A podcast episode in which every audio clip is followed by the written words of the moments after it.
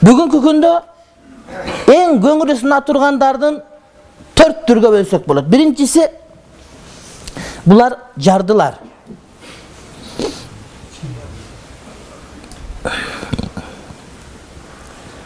Жана жесирлер жана жетимдер. Колунда жок кембагалдар болот. Кудай таалам бир ар адамга байлык берет ошол байлык көтөрө алат деп. Бир ар адамга байлык бербейт ошол байлыкты көтөрө албайт деп бир ар адамга кембагалчылык берет буга байлык берсем көтөрө албай калат деп бир ар адамга кембагалчылыкты сыноо кылып берет. Адамдын бай кембагал болуп калгандыгы урматтуу бир тууганым бул кудайдын аны жаман көргөндүгү же жакшы көргөндүгү эмес. Байлык берсе сени жакшы көрөт экен деп байлык бербей койсо сени жаман көрөт деп ойлома анткени бул дүйнө сыноо дүнүйө. Сенин балдарың бар билесиз төрт балаң бар.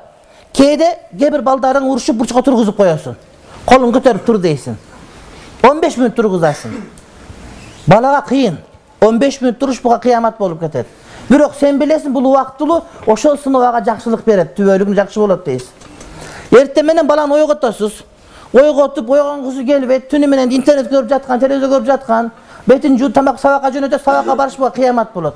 Атам эмнеге мени жаман көрөт? Апам эмнеге мени жаман көрөт? Эмнеге мени мектепке жөнөтө берет? дейт. Балаңызды эртең менен тургузуп мал базарга алып барасыз эмне үчүн мал базарды көрсүн тиричилик кылсын. Бул мал арзан кымбат экенин билсин. Тиричилик үйрөтүш керек болот десеңиз балаңыз түндө вечерге барган он биринчи класс бүтүп аткан эртең менен мал базарга баргысы келбейт. Кыйнап тургузуп алып барасыз ичинен сөгүнүп атып моюнунан байлагандан дууга жарабайт болуп бирок барат бечара. Аны кийин түшүнөт атам ошону үйрөткөн экен деп.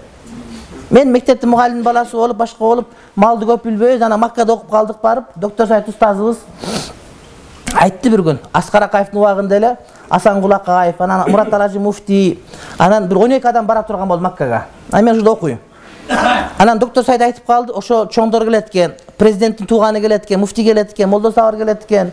Ошолорго бир жакшы кой союп тосуп алайлы деди. Анан базарга экөөбүз кой тандайлы кой тандаганды билесизби деди семиздары мен жегенди эле билем анан тандаганды билбейм бул жүнү патпай өсүп кетсе семиз экен деп союп деле кое бериши мүмкүн. Десем сиз дагы мендейсизби ал дагы молдо мен дагы молдо эки молдо жегенди эле билет. Жиликти эле бөлгөндү жакшы билбейт. Анан экөөбүз таза отуруп күлдүк. Анан бир бангладеш бирөөгө сен тандашты билесиз а билем атам үйрөткөн дейт. Ошо сонун кой тандап келип тигилерди биз конок кылып узаттык ошондо эмнеге десе атам жетелеп барат эле базарга деп да.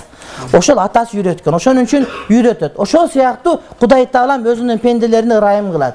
Бир азыраак кыйынчылык отуз жыл оору болушу мүмкүн кырк жыл камбагал болушу мүмкүн бирок анын жыйынтыгы жакшы болот деген маани. Демек ошондой адамдар болот бирок ошолор ошол убактылуу нерсе көңүлү сынып калат. Үйдө биздин аялыбыз балдарды тарбиялап атса мен ага киришпейм анан балдарды тарбиялап бурчка тургузуп койсо апасы чыгып кеткенде мен кичине туруп аз калды аз калды бүтөйүн деп калды деп көңүлүн көтөрүп коем алар сүйүнүп калышат кээде мен балдарды алып чыгып туруп огородко иштетип туруп муну тазалагыла деп койсом аларга иши оор болуп кетет анан үйгө кирип апасы апасы жардам берип азыр бүтүп калды апаң атаң бияка жардам берип койгом деп ага жардам берип алардын көңүлүн көтөрүп коет мен аны билем билмексен болом. Ал дагы мен мен дагы билмексен болом. Эмне үчүн адам көңүлүн көтөрдү? Ошол сыяктуу биз дагы көңүлдү көтөргөндү билишибиз керек. Абу барза деген чоң адам өткөн динибизде. Абу барза. Ошол абу барза күн сайын үйүнүн астында ит жетпей турган бийик теки болот секиче болот экен чарпаяга окшогон. Эртең менен бир чара кечинде бир чара мыкчы май коюп коет экен. Мыкчы май деген эмне? Нан ысык жапкан тандырга. Ошону алып туурап туурап сары майдан салып мыкчы мыкчып койсо жесең ушундай бир тамак таттуу болот андай иштерин жеген эмессиң. Мыкчы май деген болот. Арабтарда ушул бар экен эртең менен катыны бир чара кылат экен мыкчы майды коюп коет. Ар ким келип керегин чалып салып жеп кетет экен жана кечке маал бир маал коет экен. Адат ушундай эле кембагалдар жесин? Ушулар ачка калбасын келип тыкылдап сурабастан керегин алып жеп кетсин дейт эле. Адамдар билип алды дейт. Мына ушул египет мисирде бир окуя болуп өткөн. Мухаммад бахит мутии деген муфтий бар эле. Ханафи мазхаб. Ушул аалым элдин салтын сыйлайт экен. Өлгөнүнө бир жетимиш жыл болгон жок. Мисирде ошол убакта отун аз экен дагы үйдө апалар нан жабарда камырды кылат экен дагы чарагы ачып туруп нандарды жасап туруп анан идишке салып эшиктин остуна чыгарып коет эшиктин аазын оозуна. Эгерде үйдө эркек болсо эркек алып барып набайканага жаптырып кайра келер экен. Эгерде үйдө эркек жок болсо аял набайканага барбайт экен камырын алып чыгып эч нерсе коюп коет экен секичеге жолдон кетип аткан биринчи эркек чара турганын көрсө өтүп кетпесин чараны көтөрүп алып барып нанын жаптырып алып келип эшик тыкылдатып нанын калтырып кетер экен. Адат ушундай экен баардык жерде анан селдесин ороп мухаммад бахит бутуи кетип атса урматтуу бир тууганым бир жесир аялдын үйүнүн астында чара туруптур.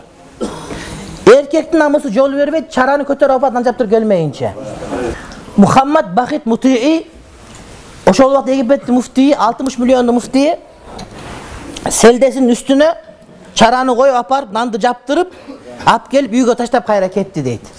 Эл таң калды дейт анткени муфтий болсо дагы ошол элди кембагалды сыйлаш керек деген тартипти үйрөнүш керек деген ошондон келип чыкты урматтуу бир туугандар эмне үчүн? Ошол жесир аял өтүп кетип атып мен жесир элем да ушул муфтий болгончу мени тоготподу го деп ичинде калып калбасын деген ушундай бир анда ушундай бир сезим болду урматтуу э, бир тууганым.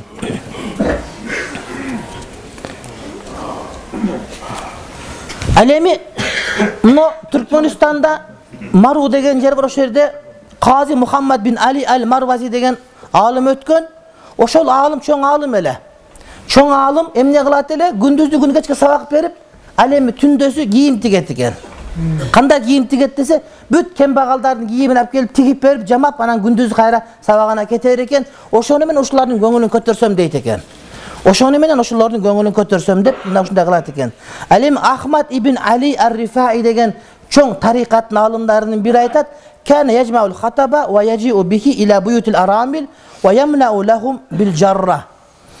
бул рифаи деген дамбылда эмне кылат экен?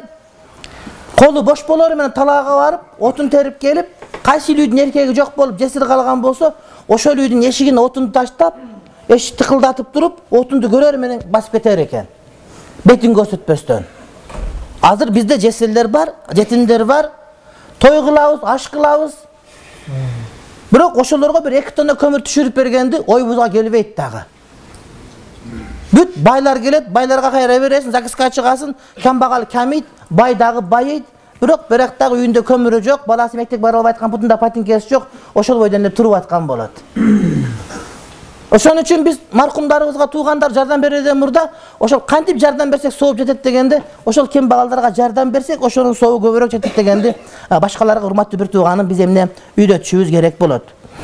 Урва ибн зубейр деген сахаби зубейрдин уулунун бир күнү буту кесилди дейт. Ооруп калды. Ооруганда доктурлар бутуң чирип кетиптир кесебиз деди а буту кесилген адам капа болот. Эми бутум кесилип калды чолок болуп калды мен мурдагыдай болбой калдым деп кыжалат болуп болуп турса ибрахим ибн мухаммад бин талха деген аалым көңүл айтканы барыптыр. Эми адамдын путу кесилсе оңой болобу. Мен атам бир тууганын путун ат тиштеп кетип айгыр менен мушташып кетип айгыр менен айгыр. Анан путун тиштеп ыргыта берген экен жамай албай анан путун кесип коюшту. Тизесинин төмөн жагынан. Анан эмне кылды? Ал киши алып келип катырып сактап коюптур үйүнө. Анан мен айттым барсам турат бир нерсе. Мына эмне мына десем айтат бул менин путум дейт. Э путуңузду эмне сактап отурасыз ушу өлгөндө жоголуп кетпесин деп ошо менин жаным ороп коюп коет экен бияка путту дейт. Эми шарият боюнча пут кесилгенде аны сактабайт көмүлөт. Шарият боюнча көмүлөт. А бизде айтат көмүп койсо ошол жанагы көмүлгөн пут чириген сайын бул сөөк чирийт экен деп. Ал жок доктур ката эле кесип койгондон. Э адамдын бир жери кесилсе ошол көмүлүш керек. А мунукун бечаранын путу кесилип капа болуп отурса жанагы ибрахим мухаммад келип айтыптыр дейт ой дептир эмне капа болосуң сен? Пут басыш үчүн керек болот сага басканга деле муктаждык жок. Адамдардын баары сага келет адамдар бир жака барам деп пут менен барат. Сен путуңа эмне капа болосуң дептир сага басышканга көп деле кажат жок. Сен адамдардын баары астыңа келет сен деген сахабийсиң сен деген аалымсың. Адамдын баары сенин астыңа келип атпайбы эмнеге сен? Ал бутка муктаж элең. Чуркап иш кылганга деле сага муктаждык жок. Ырыскыңдын баары астыңа өзү келип атпайбы? Жегениң алдыңда жебегениң артында турат сеники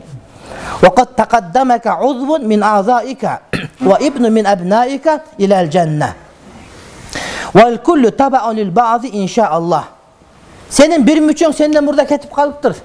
Бир балаң сенден мурда кетип калыптыр бейишке дейт ошонун аркасынан өзүң деле барып каласың насип кылса дейт. Бара турган жери бейиш баардыгыбыздыкы ошон үчүн кээде өзүң биринчи барсаң балдар аркаңан барса кээде балаң биринчи бар сени чакырат дейт. Эми сенин бир мүчөң сенден мурда кетти иншалла бейиште болот аркасынан баары бир барабыз бир күн болсо бир күн деп аалымга аалым ошентип айтып атат дейт. Бирок Кудайдын кудуретін кара. Кудай Таалам сенин акылың алган жок, көзүң алган жок, тилиң алган жок дейт. Биз сага ошого муктаж элек го дейт. Сенин акыл эсиңе, сенин тарбияңа муктаж элек. Кудайым сени путуңа алыптыр, ага ыраазы бол сен.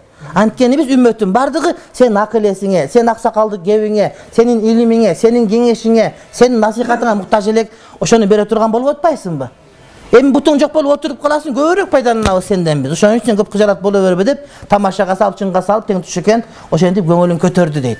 Демек адам ооруп аткан болсо башка болгон болсо ушинтип көңүлүн көтөрө турган болсо иншалла кудай таалам баардыгыбызга урматтуу бир туугандарым жакшылык берет